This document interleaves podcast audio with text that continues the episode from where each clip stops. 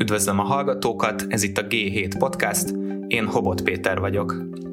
Magyarország idén a nem túl előkelő 85. helyet szerezte meg a 180 országot a sajtószabadságuk szerint rangsoroló listán, melyet a Riporterek Határok nélkül nevű szervezet készített.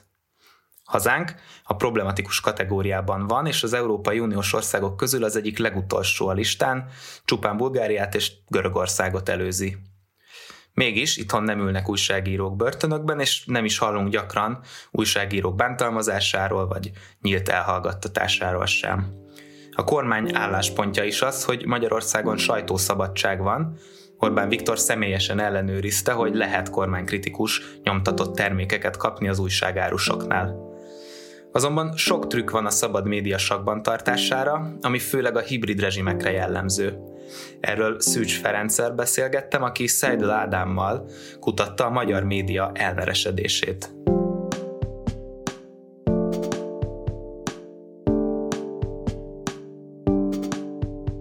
Vendégem Szűcs Ferenc, a Stockholmi Egyetem közgazdasági tanszékének tag, tanársegédje. Szervusz Ferenc, és köszönöm, hogy elfogadtad a meghívásunkat. Szia Péter, köszönöm a meghívást, és üdvözlöm a hallgatókat. Megjelent a cikketek az Ekonometrikában, ami egy olyan nemzetközi tudományos folyóirat, ami csak a rendkívül kidolgozott statisztikai elemzéseket fogadja be.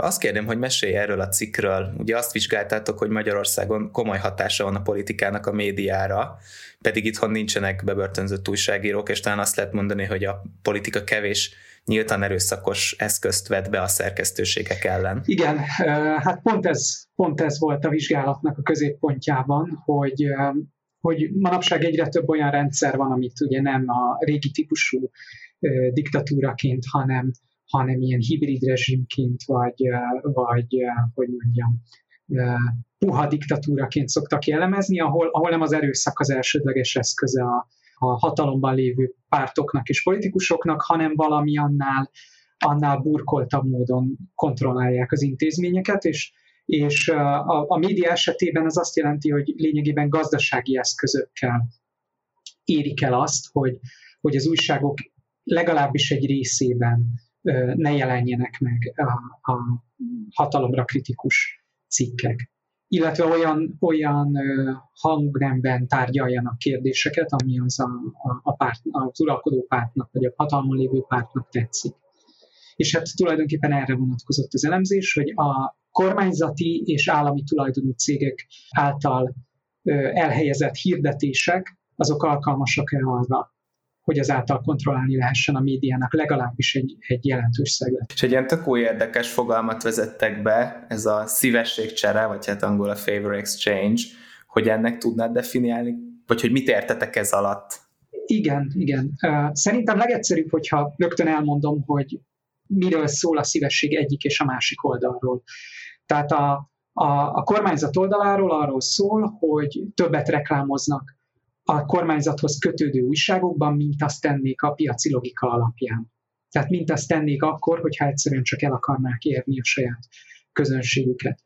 Másik oldalról pedig ezek az újságok kevesebbet írnak kormányzati korrupcióról, másképp írnak politikai hírekről, mint ahhoz tennék ezt, ha csak az olvasóik referenciáit vennék figyelembe. E, ez a, ez a szívesség két oldalról, és mikor van szívességcsere, hogyha ez a két dolog összefügg. Hogyha ha nem azért adja az egyik fél a szívességet a másiknak, mert szereti, hanem azért, mert szívességet vár cserébe. Tehát ez a két dolog okokozati kapcsolatban van egymással akkor mondjuk azt, hogy szívességcsere van ebben a címben. És pontosan szerinted kik adnak itt szívességet? Még talán a kormány oldalán ez könnyebb értelmezni, de mégis egy újságnál itt a tulajdonosok, a főszerkesztők, maguk az újságírók egyesével, vagy ezt nem tudom, hogy ezt vizsgáltátok, ez, hogy hogyan kell ezt felfogni. Mi úgy gondoltunk erre, hogy a végső döntést egy újság esetében mindig a tulajdonos hozza meg. Természetesen vannak olyan példák, ahol látjuk is, hogy a tulajdonos, amikor változtat az irányvonalon, akkor ez azt jelenti, hogy szükséges a, a szerkesztőségnek a lecserélése is. Ez ugye megtörtént 2014 nyarán az Origóban, amikor amikor úgy tűnik, hogy sikerült egy, hát egy megegyezést elérni a kormánynak és, a, és az Origó tulajdonosának, ami a Magyar Telekom volt akkoriban. és úgy tudta megváltoztatni a, a, az újság irányvonalát, hogy ez ennek személyi konzekvenciái is voltak a, a, a szerkesztőséget illetően.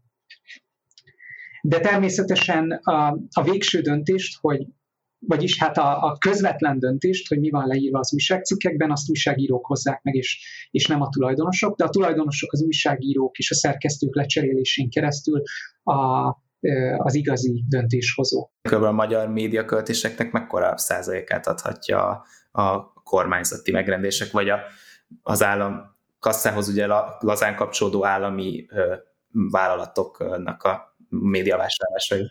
Igen, én úgy emlékszem, de ez, ezt most nem ellenőriztem, de halványan úgy emlékszem, hogy a, az online piacon is abban az időszakban, amit mi néztünk, ami, a, ami 2016-ig tart, 2010-től, olyan 15-20 százalék körül volt a, az állami költés listán, ami ugye nem feltétlenül egyezik meg a valódi árakkal, mert anekdotikusan a, a magánhirdetők sokszor nagyon nagy diszkontokat kapnak, és valószínűleg az állami hirdetők kisebb diszkontokat kapnak. Tehát ez vélhetően több volt, mint 15-20 százalék.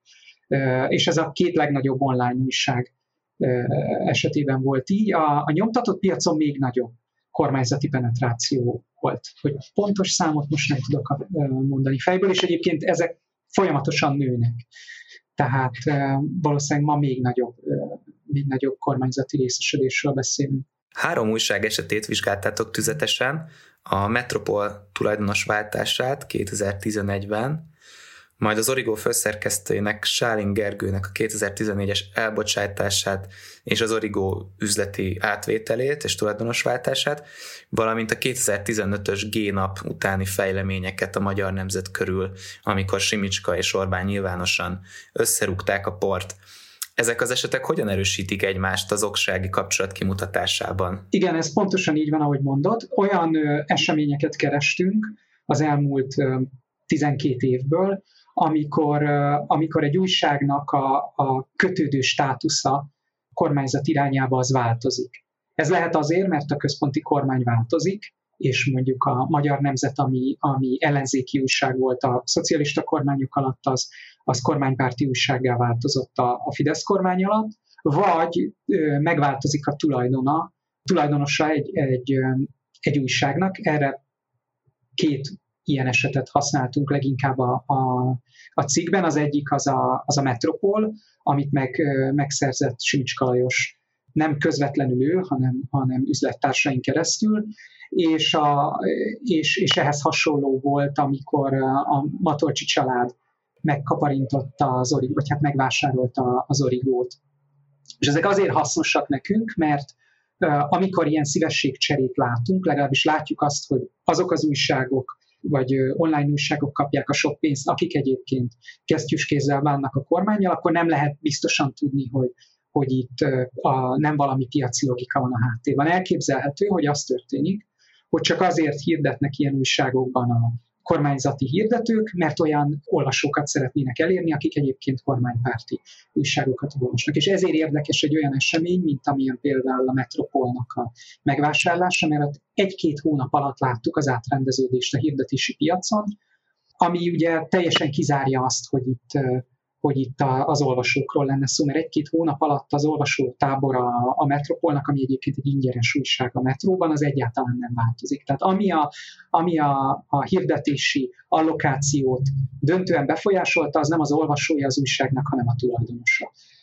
Ez az egyik, a másik pedig, hogy viszont azt is ki akartuk zárni, hogy egyszerűen csak szeretné segíteni a kormány a, az ideológiailag közel álló tulajdonosokat, és ezért volt nagyon hasznos történelmi epizód az, amikor a Magyar Telekom tulajdonában lévő Origónak sikerült kialakítani egy ilyen színfalak mögötti egyességet a kormányjal 2014 nyarán, mert ott azt láttuk, hogy egy olyan tulajdonos, ami tulajdonképpen egy multinacionális cég, a T-Com, az volt hajlandó moderálni a, a tartalmat, elbocsájtva a szerkesztőséget, és azonnal látjuk, hogy ennek hatására megnövekedett az állami hirdetéseknek az aránya az origóban.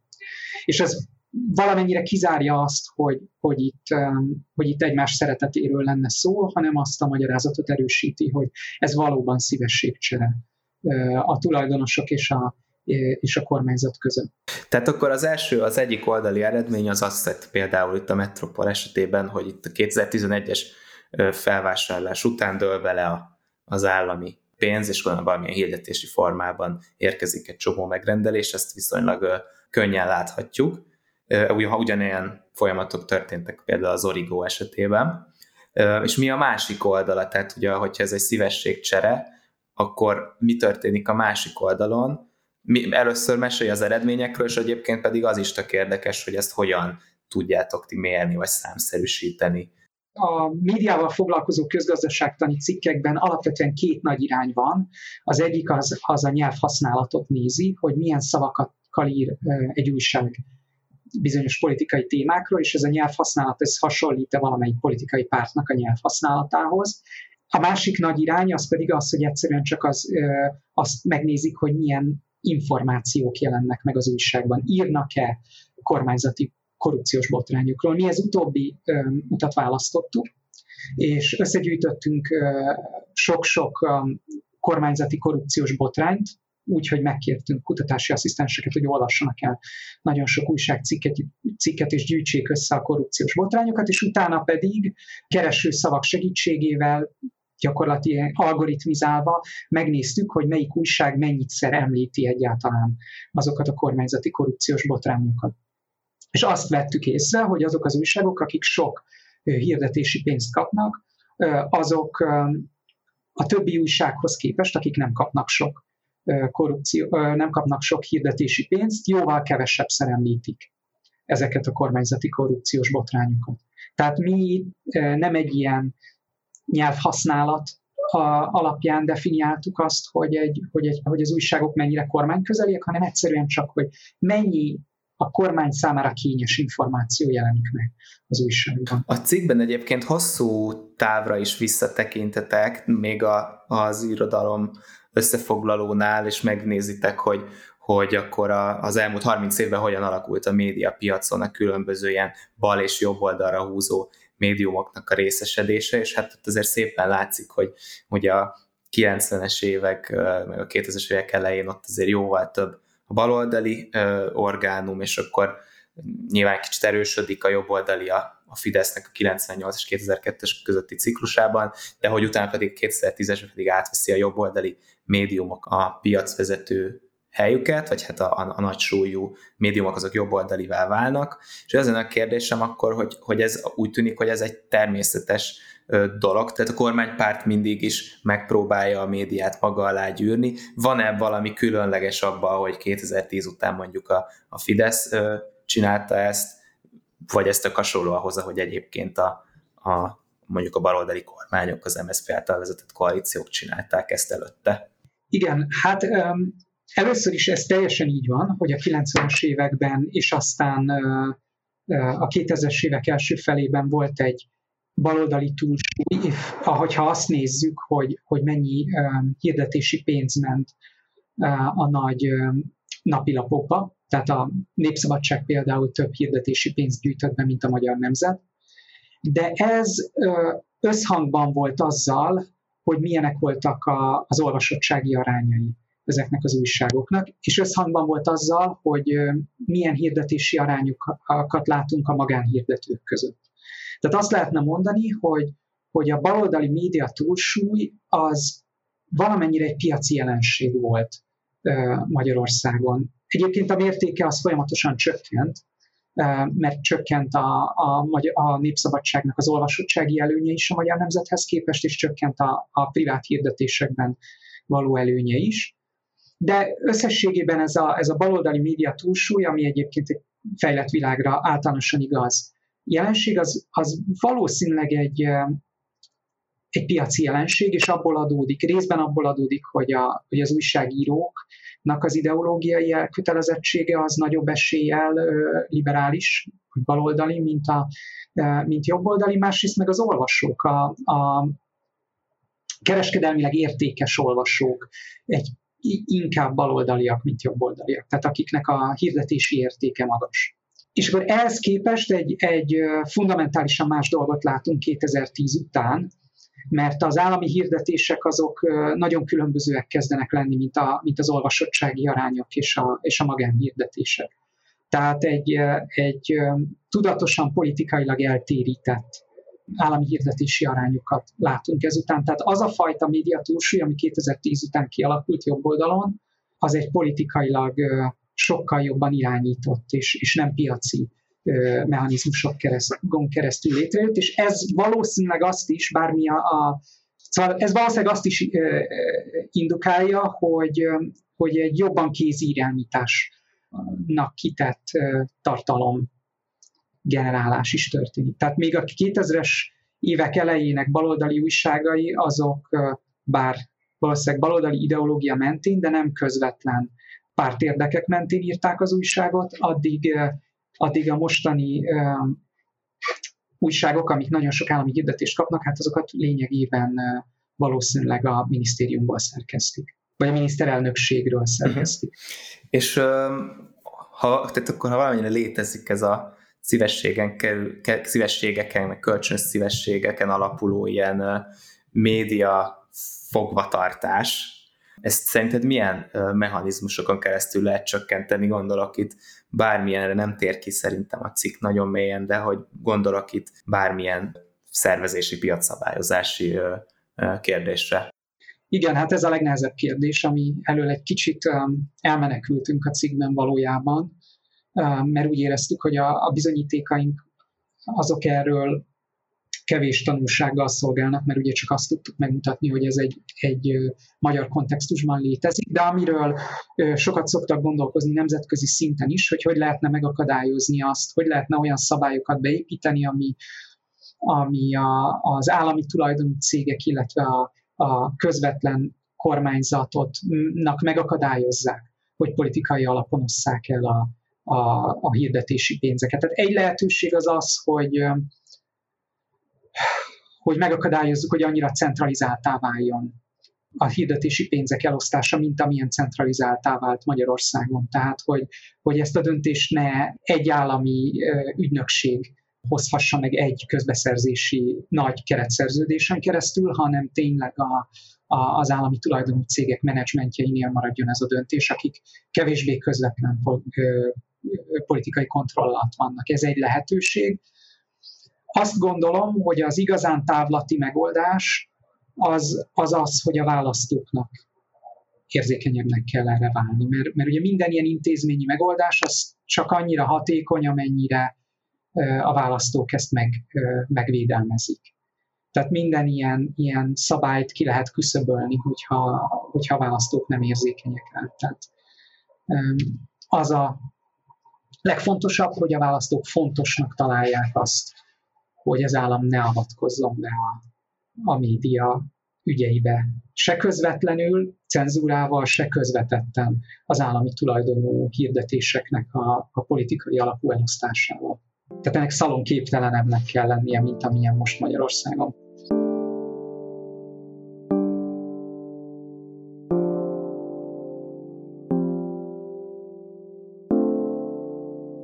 Következő megszólalót, Berlinger Edinát arról kérdeztem, hogy a sajtószabadságnak milyen hatásai vannak az üzleti életre. Ő és kutatótársai több éven keresztül vizsgálták, hogy a vállalatok működése során kialakuló károk miből eredeztethetők. Azt találhatták, hogy a szabad médiának nagy szerepe van abban, hogy csökkentse a vállalatok nehezen modellezhető kockázatait.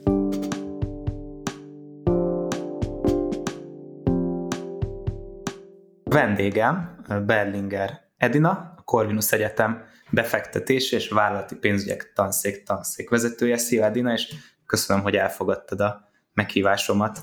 Szia, nagyon köszönöm a meghívást, és üdvözlöm a hallgatókat. Kutatásodban az vizsgáltat, hogy a sajtószabadság milyen kapcsolatban van a vállalati működéssel. Igen, hozzá szeretném tenni rögtön az elején, hogy nem egyedül írtam a cikket, hanem még három szerzőtársammal, Lubró Jágnessel, Keresztúri Lillával és Tamás Névőnek Zsuzsannával. Először ezeket a működési kockátokat akartuk modellezni, méghozzá a működési kockázatoknak azt a részét, ami ritkán következik be viszonylag, és nagy jelentősége van. Tehát nagy hatása van, nagy káresemény tartozik hozzá. Van egy másik csoport, ami gyakran és kicsi, de az egészen más típusnak felel meg. Bontsuk ki egy kicsit ezt a fogalmat, ezt a működési kockázatok fogalmát, mert szerintem ez érdekes lehet a hallgatóknak, hogy egy vállalat működésében van egy csomó kockázat. Nyilván vannak könnyen modellezhető bizonyos pénzügyi kockázatok, vagy árfolyam kockázatok. Vannak ilyen működési kockázatok, amik, ahogy ti nevezitek a cikkbe, hogy ez mit jelent pontosan, milyen kockázatokat takar, és miért nehéz ezeket modellezni. Ez először a banki kockázatkezelésbe került bele ez a fogalom, illetve ehhez kapcsolódóan tőkét is kellett tartani, a, kell tartani a bankoknak, ez a Bázel 2-es szabályozással került bele, és aztán a, a Bázel 3 ezt még tovább, tovább fejlesztette. Tehát a definíció, az a Bázeli Bizottság definíciója, az, az egy elég homályos definíció, úgy szól, hogy a rendszerek, az emberek, a belső folyamatok és a külső események miatti nem megfelelő vagy hibás működés. Szóval, hogy ezzel olyan, ez, ez nem egy precíz definíció, és ez tényleg úgy is van, hogy egy csomó minden beletartozik, egy ilyen gyűjtő kategória. Nagyon különböző dolgok, van hét típusa, ilyesmi, hogy külső csalás, belső csalás, akkor munkakörnyezeti károkozás itt a dolgozóknak, például, hogyha baleset éri őket, vagy egészségkárosodás. Szóval van a helytelen üzletvitel, amikor a, mondjuk inkább a vevőket, vagy a külső partnereket éli, éri valami, valami kár, mert hogy nem jól működik a cég, akár becsapjuk a befektetőket, vagy, vagy túl kockázatos terméket adunk el a, az ügyfeleknek, ha bank vagyunk. Aztán van a, az eszközöknek a fizikai károsodása, a rendszerek hibája, leállás, vagy, vagy ilyen helytelen lebonyolítás, tehát hogyha például egy trader a partnerlimiteket, amit, amit kapott, azt, azt engedély nélkül ö, meghaladja, vagy kiátsza. Szóval, hogy ebben rengeteg nagyon különböző dolog van, ö, így hangulatilag is lehetett érzékelni, és ö, mi egy olyan adatbázisból, egyébként a SAS adatbázisból dolgoztunk. Nagyon köszönjük, hogy ezt megkaphattuk, ezt a nagyon gazdag és nagyon értékes adatbázist kutatási célra. Szóval mi egy, ebbe az adatbázisba a 100 ezer dollár fölötti ilyen események vannak benne, mind a hét típushoz kapcsolódóan, és globálisan, tehát a világ összes országában, ami publikussá vált, azt ők összegyűjtik, rendszerezik. És hogy példát is mondjak, mik azok a, ezek a ritkán bekövetkező, de nagy jelentésű károk, tehát például, amit szoktunk mondani, a, a, amikor a British Petrol a mexikói öbölbe, tehát felrobbant a cső, olajfúró toronyban, és rengeteg olaj beleönött a tengerbe, hónapokig nem tudták elállítani, és akkor, akkor óriási ilyen gigabírságot kellett fizetniük a, a károsultaknak. Mm. És, és egy csomó pénzt kellett költeniük a természet környezet helyreállítására. Meg hát Aztán, hát gondolom egy csomó olaj is elveszett, ami el. Igen, tehát volt, ő... igen, igen, az a közvetlen kár, de azon kívül még egy csomó ilyen külső szereplőknek és, és ö, kellett, kellett kártérítést fizetni. Vagy volt a Monsanto esete, ahol a erről a glifozát nevű gyomírtóról kiderült, hogy rákot kelt. Ezt így bebizonyították. Egy csomó cirkusz volt, mire ezt sikerült bebizonyítani, és utána nagyon sok károsult egyszerre perelte a Monsantot, közben a Monsantot megvette a Bayer, és egy ilyen történelmi méretű óriási kártérítést kellett fizetni a, a, azért, hogy tehát ilyen megegyezéssel zárult a dolog, de még, még mindig vannak, akik pereskednek továbbra is. Egy-két éve voltam a Wirecard ügy, amikor pedig kiderült egy ilyen fintech cégről, aki ilyen elektronikus utalásokkal foglalkozott, hogy egy csomó ilyen a, a mérlegben szereplő tranzakciók azok kamuk voltak. Tehát nem, nincs, nem volt annyi pénz, és, a, és először ott úgy történt, hogy hogy úgynevezett ilyen whistleblower, tehát valami belső dolgozó jelentett, szivárogtatott a sajtónak, és akkor a Financial Times-nak az újságírói erre így teljesen ráakadtak erre a témára, és nem hagyták magukat eltántorítani, pedig először, mm, tehát mindent megpróbáltak, még a, ez a német tőzsdefelügyelet is az újságírókat hibáztatta, meg, meg akarta megbírságolni, hogy a sortosoknak, a, tehát hogy piacmanipulációt követtek el, de aztán kiderült, hogy, hogy nem, igazuk van, és sikerült bizonyítani. Uh-huh. Ezek... Mondtad ezt a hét példát, bocsánat, amit, ja, amit hét típust, igen. A hét típus, de hogy, hogy ez mégis úgy kicsit úgy érzem, hogy lehet egy ilyen dihotómiát, tehát hogy két típusra is bontani, hogy nyilván más a szava valaki, hogy a nem tudom, kiüt a tűz, vagy valaki eldobja a cigicsikét a, a gyárban, vagy ha egy külső partner átver egy vállalatot, és, és van egy, egy másik, amit úgy érzek, hogy vagy nem tudom, ez cikkben is nagyon fontos része van, ez az információs aszimetriából fakadó, egy ilyen üznök megbízó problémából eredő ilyen kockázat, amit futnak ezek a cégek. Ezt lehet mondani, hogy így bizonyos szinten szétválik ez a kettő? Igen, tehát hogy, hogy vannak olyan ügyek, amikor tényleg a cég nem tehet róla, egy külső úgynevezett exogén sok kéri, és hogy ez végül is az üzletmenet része, és tehát nem lehet százszerzék biztonság mellett működni. És van egy része az, hogy mégiscsak endogén, tehát egy belső folyamatoktól függ, tehát mégis a cég hibás, úgymond, mert hogy felkészülhetett volna jobban, vigyázhatott volna jobban, és hogy az az érdekes ezekben az ügyekben, ahogy nézegettem, olvastam nagyon sok ilyen leírást, hogy majdnem mindig van endogén része is. Tehát, hogy olyan, hogy csak egy külső csapás érte a céget, nem tehet róla egyáltalán, ezeknél a nagy, jel, nagy károknál ez, ez nagyon ritka. Például volt, hogy egy Fülöp-szigeteki bányacég nagy esőzések történtek, és akkor, akkor rengeteg ilyen mérgező anyag került a, a vizekbe, és hát azt mondhatnánk, hogy hát nem tehet róla, hogy van egy nagy esőzés, de hát a bíróság felügyeleti szervek megállapították, hogy gondatlan volt, és ne föl kellett volna készülni egy ilyen mértékű esőzésre, megfelelő módon, de ezt elmulasztotta. Tehát majdnem mindig a cégnek valami rossz működése is hozzájárul ezekhez a nagy károkhoz. A kicsikhez az nem feltétlen az, hogy betörik az ablaküveg, vagy leáll egy rendszer, vagy tehát az a kis gyakori események, az tényleg az üzletmenet része, azt lehet mondani, de ezek a nagyok, ezek, ezek általában valami visszaélésre vezethetők vissza. Ezek a százezer dollár felettiek. Ezeknek nagyon túlnyomó része ilyen. Uh-huh. Igen. És ilyen Magyarországon van esetleg ilyen példa, amit így érdemes említeni? A, a magyarországi események nagy része például Például az, a vörösi katasztrófa az is szerepel az adatbázisban. Ugye ott is azért megállapította a bíróság, hogy valamennyire hibás volt a felügyelet, vagy a menedzsment.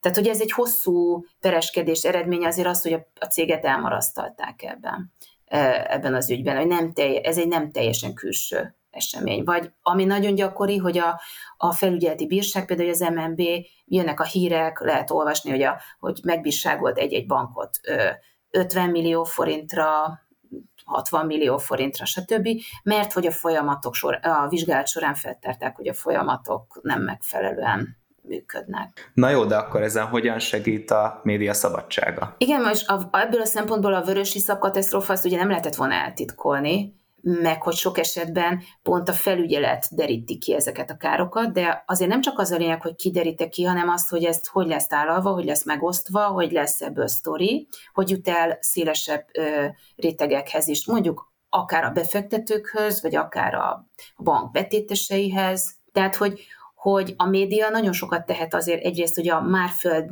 tárt károkat eljutassa az érdekeltekhez, a köztudatba belekerüljön, és e megfelelő hatás váltson ki. De hát van az újságírásnak ez az oknyomozó része, amikor meg kimondottan az újságírók derítik föl a károkat. Például van olyan kutatás Amerikában, hogy megnézték, hogy a, az újságírók gyakrabban derítik fel a károkat, sokszor ilyen szivároktatás, belső informátor, névtelen informátor szivároktatása kapcsán, tehát hogy, hogy gyakrabban ö, derítik föl így az ilyen visszásságokat, például belső csalásokat, de, de a többi fajta folyamatnál is. Tehát, hogy a, a média ki, ki is tudja ezt, tehát hogy, hogy ezt napvilágra tudja hozni, mert egyébként a cégeknek, mind a menedzsmentnek, mind a tulajdonosoknak ezer egy jó oka van arra, hogy ezeket titokba tartsa. Tehát még ha ki is derül, mondjuk a tulajdonos kideríti, hogy volt egy csalás, akkor sem akarja, hogy ez a széles nyilvánosságra kerüljön, mert akkor ez valahol egy reputációs vesztesség. És akkor itt jön be ez, amit, amit kérdeztél, a, tehát hogy az aszimmetrikus információs helyzet, ez a közgazdaságtannak egy ilyen nagyon fontos mm, vonulata vagy része, hogy a, a általában van-e valami megbízó és ügynök, ilyen absztrakt szinten mondhatjuk egy, egy szituációban. Például a megbízó lehet a részvényes, és az ügynök az a menedzsment, de mondhatjuk azt, hogy a, a hitelező az a megbízó odaadja a pénzt, nincs rálátása a folyam, belső folyamatokra, de mondjuk egy nagy részvényesnek már igen, és mondjuk a nagy részvényes csinál valami visszaélést, például tudtával megy mondjuk a környezetszennyezés.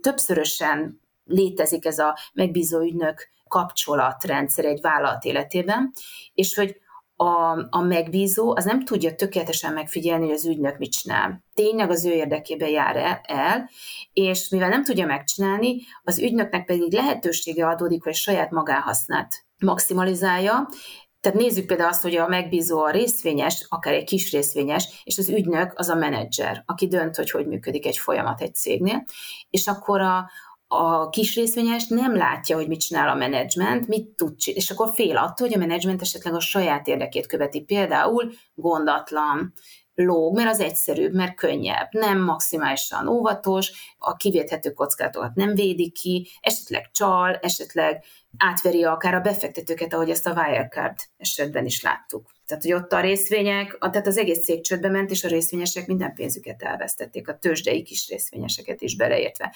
Tehát ott a menedzsment becsapta a befektetőket. Tehát, hogy, hogy nem látunk rá, hogy mit csinál a menedzsment, mint tulajdonos, és szeretnénk azt, hogy a mi érdekünkbe járjon el. És akkor ezt hogyan tudjuk biztosítani egyszer aszimmetrikus az információ, nem látom, hogy mit csinál, és mit tudunk csinálni, vagy eleve olyan szerződéseket kötünk, hogy neki érdekében álljon mondjuk a részvény értékének a maximalizálása, és akkor például adunk neki részvényopciókat, és abba bízunk, hogy így a mi érdekünkben fog eljárni. De ennek is le vannak mindenféle negatív hatásai, mert lehet, hogy a részvényopciók miatt túl nagy kockázatot vállal, az is lehet. Túl agresszív, tehát ez a nagy, nagy bónuszok, meg nagy részvényopciók, ez sem egyértelmű, hogy az, az mindig jó. De akkor a másik dolog, hogy a, mégiscsak költünk a monitoringra, csak az drága, hogy, hogy állandóan ellenőrizzük. Vagy előírunk transzparenciát. Egyébként az a banki kockátkezelésnek a transzparencia az egy külön pillér, ami lehetővé teszi, hogy valahogy csökkenjen ez az információs aszimetria. És akkor itt lép be a képbe a média, aki tudna, tudja csökkenteni ezt az információs asszimetriát megfelelő módon. Volt egy olyan kutatás, amire hivatkozunk is, hogy Oroszországban a média, ha azt a médiát nézzük, hogy a, az ottani kisembereknek szóló helyi hírek semmilyen hatást nem tud gyakorolni a vállalatok működésére, mert hogy nem érdekli a vállalatokat, hogy az, az eszköztelen kiszolgáltatott kis emberek mit gondolnak róluk. De az a média, ami kimondottan külföldi befektetőknek szól, az, aznak olyan erős fegyelmező hatása volt, hogyha megjelent egy, egy hír egy vállalatról, hogy nem megfelelően viselkedett, nem volt elég transzparens, környezetet szennyes, stb., akkor az, a, az annak olyan hatása volt, hogy utána a, meg, a, a, a tulajdonosok, a befektetők el tudták érni a viselkedés megváltoztatását. A médiának akkor van igazán ilyen fegyelmező hatása, hogyha az a, le, az a top, hogyha leváltják a menedzsmentet. Tehát, hogyha, hogyha el tudja érni azt, hogy aktívan beavatkoznak a befektetők, és leváltják a rossz menedzsmentet. Tehát egyrésztről az is megtörtént, hogy az inkompetens vezetést leváltják egy-egy ok nyomozó tényfeltáró cikk után, amit a szabad média csinál. Másrészt meg gondolom ez egy elrettentő hatás is a, a menedzsmentek számára, hogy mindenre jól odafigyeljenek, költsenek biztonsági költéseket transzparensek legyenek, mert félnek, hogy... Igen, így van. Így van, és ugye, ugye a menedzsereknek pedig a reputációk nagyon fontos, ők a saját reputációkat építik, és ezt veszélyezteti a, a, a szabad média, és ez a legfőbb fegyelmező erő. Tehát, hogy, hogy azért nem csak visszaéléseket, mert ha kiderül, akkor utána nem tudok elhelyezkedni máshol ha kiderül rólam, hogy csaltam. Uh-huh. Ezt, ez tök érdekes, viszont a, visszatérve az adatbázis, a bázisra, amit használtatok, ahol 8000 plusz uh, ilyen nagy vállalati uh, működési veszteséget uh, vizsgáltatok, azért mégis az látszik, hogy a legtöbb az, az Nyugat-Európából, meg Amerikából van regisztrálva, és ahol az ember intuitívan azt gondolja, hogy rosszabb a szabad sajtóhelyzetet Kínában, vagy, vagy közel-keleten, vagy Oroszországban, ott mégis kevesebb a, a, az ilyen visszaélés. Igen, ez így van, mi is ezen csodálkoztunk. Először egyáltalán nem jutott eszünkbe a sajtószabadság, mint, mint, vagy a média, mint egy fontos, meghatározó tényező.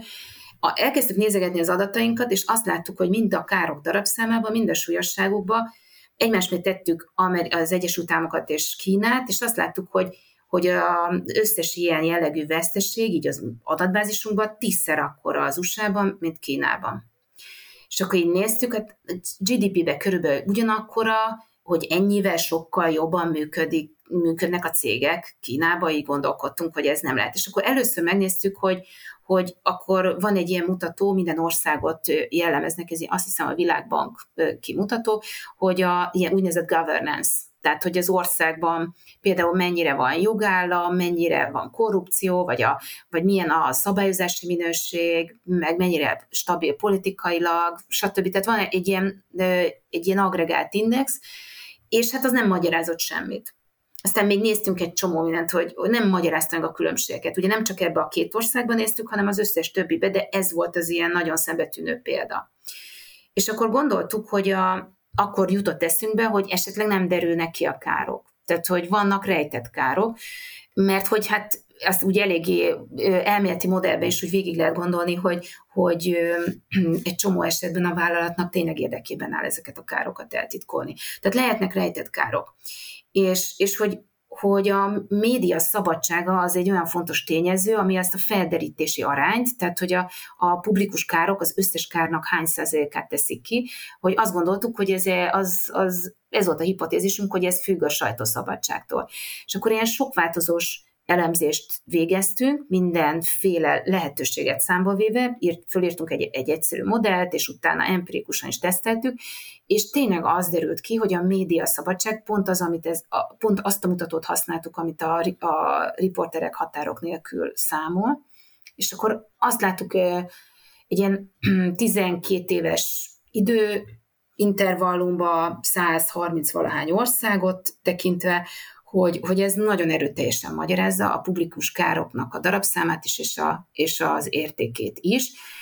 Tehát, hogy, és utána többféleképpen kipróbáltam, és nagyon robosztus lett ez az eredmény. Tehát például az jött ki, hogy egy szórásnyi különbség a sajtószabadságindexben, tehát egy ilyen tipikus eltérés két ország között, az 43%-kal nagyobb kár gyakorisággal jár, tehát 43%-kal több a kár ha egy szórásnyi van nagyobb a sajtószabadság, és 71%-kal nagyobb az átlagos kárnagyság, ha nagyobb a sajtószabadság. Tehát nem csak, nem csak arról van szó, hogy magát a kár létét titkolják el, hanem amikor kiderül, akkor úgy alul értékelik ezeket a károkat. Tehát nagyon nehéz megállapítani sokszor, hogy mekkora ez egy ilyen, mekkora valós kár, és az, az úgy tűnik, hogy az is függ a sajtószabadságtól, hogy mennyi, mennyire lesz ez föl fölhájpolva. És ez valahogy, ez a, tehát hogy akkor ugye a sajtószabadság egyszerre van hatása arra, hogy a publikus károknak mekkora a mennyisége és a mérete,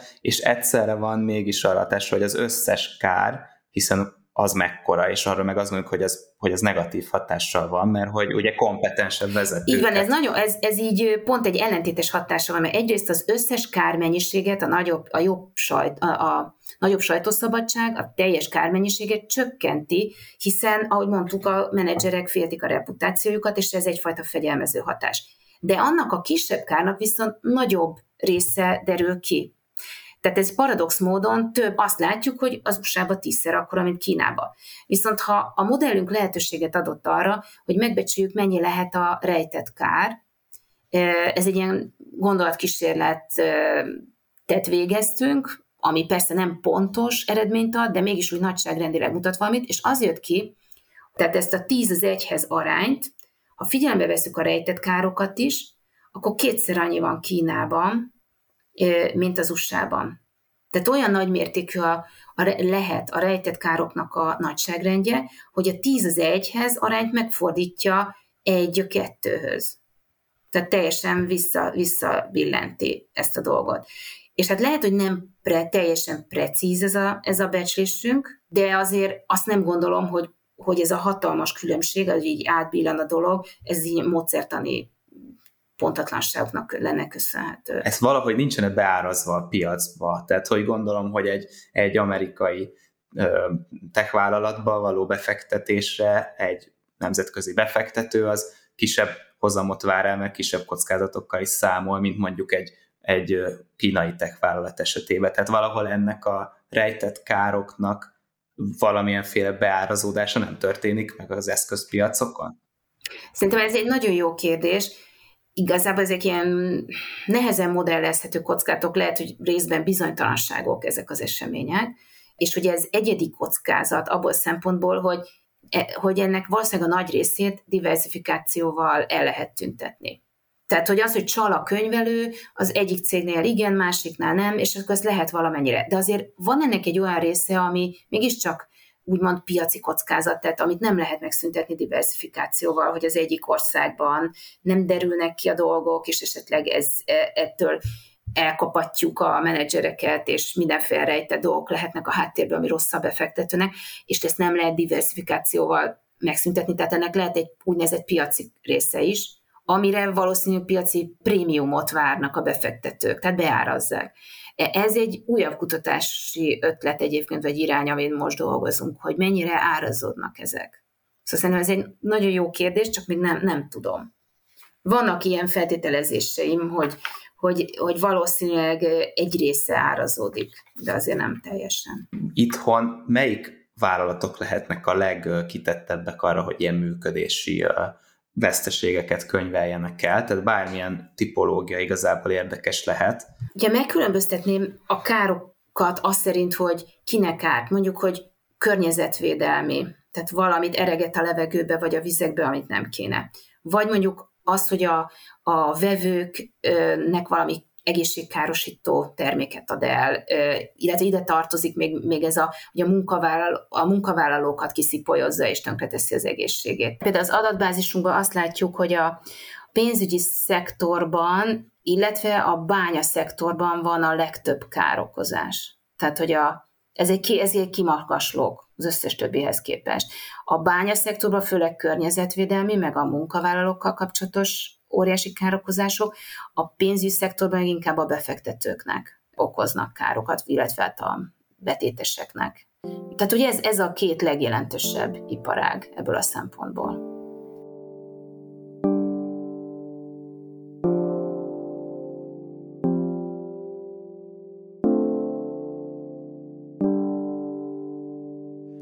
Általánosan elterjedt az a gondolat, hogy a túlzott média szabadság káros hatással is lehet a társadalmi folyamatokra, hiszen a közösségi médiában ugye akadályok nélkül képesek terjedni az álhírek, és sok médiafogyasztó pedig véleménybuborékba kerülhet.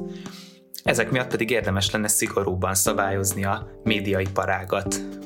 Matthew Gensko, a Stanford Egyetem közgazdász professzora szerint viszont ez így nem teljesen igaz. Erről Kofrán Dániel hallgatót kérdeztem, aki társaival Matthew Gensko budapesti látogatását készíti elő.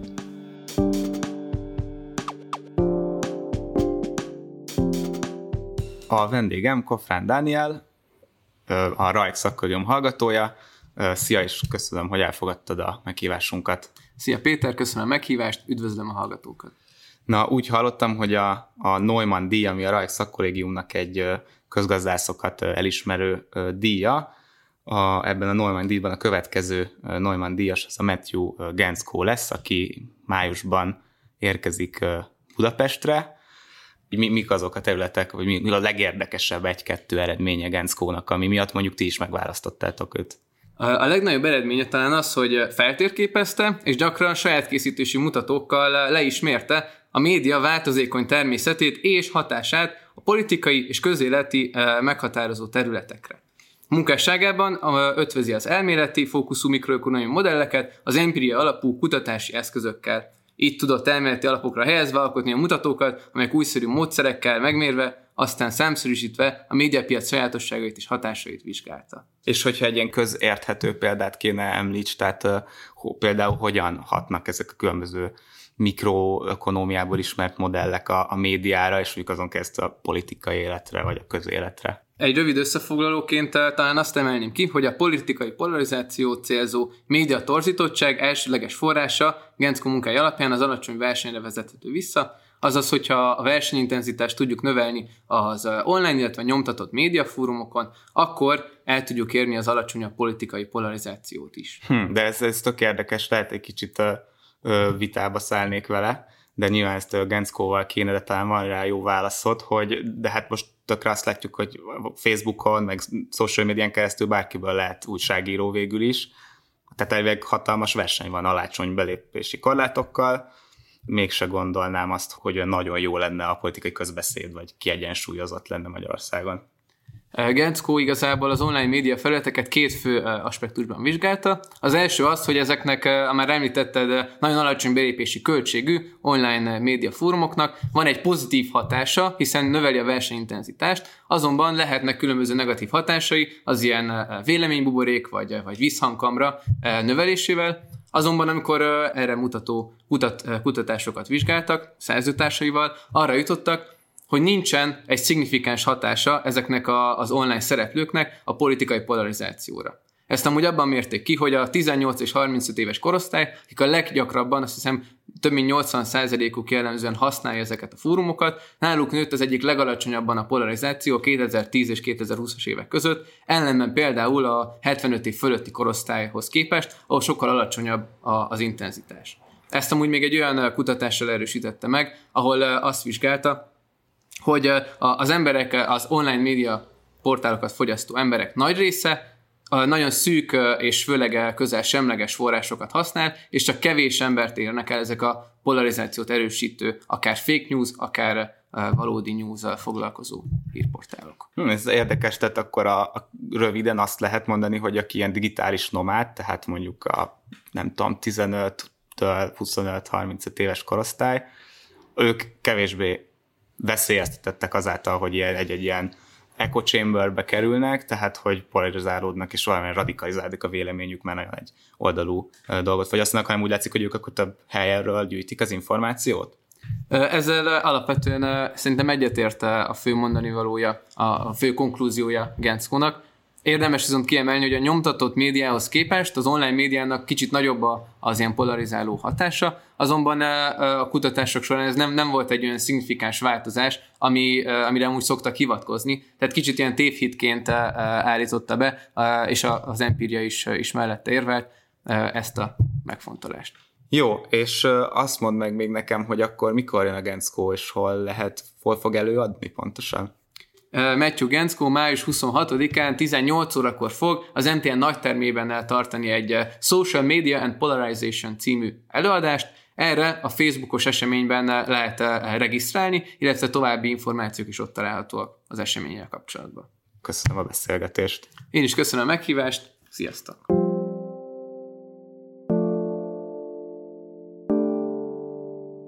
A média szabadsága a társadalom lelkiállapotának tükre is, ahol szalonképesek lehetnek a nyíltan politikai célokat kiszolgáló médiumok, ott komoly károk jelentkezhetnek a politikai életben, csökken a politikusok elszámoltathatósága, és csökken annak a lehetősége is, hogy a társadalom szélesebb rétege is megértsék a politikai folyamatokat.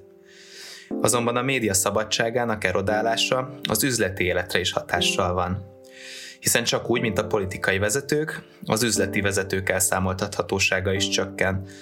Itt tovább maradhatnak magas pozícióban inkompetens emberek, és tusolhatják el a komoly károkkal járó döntéseiket.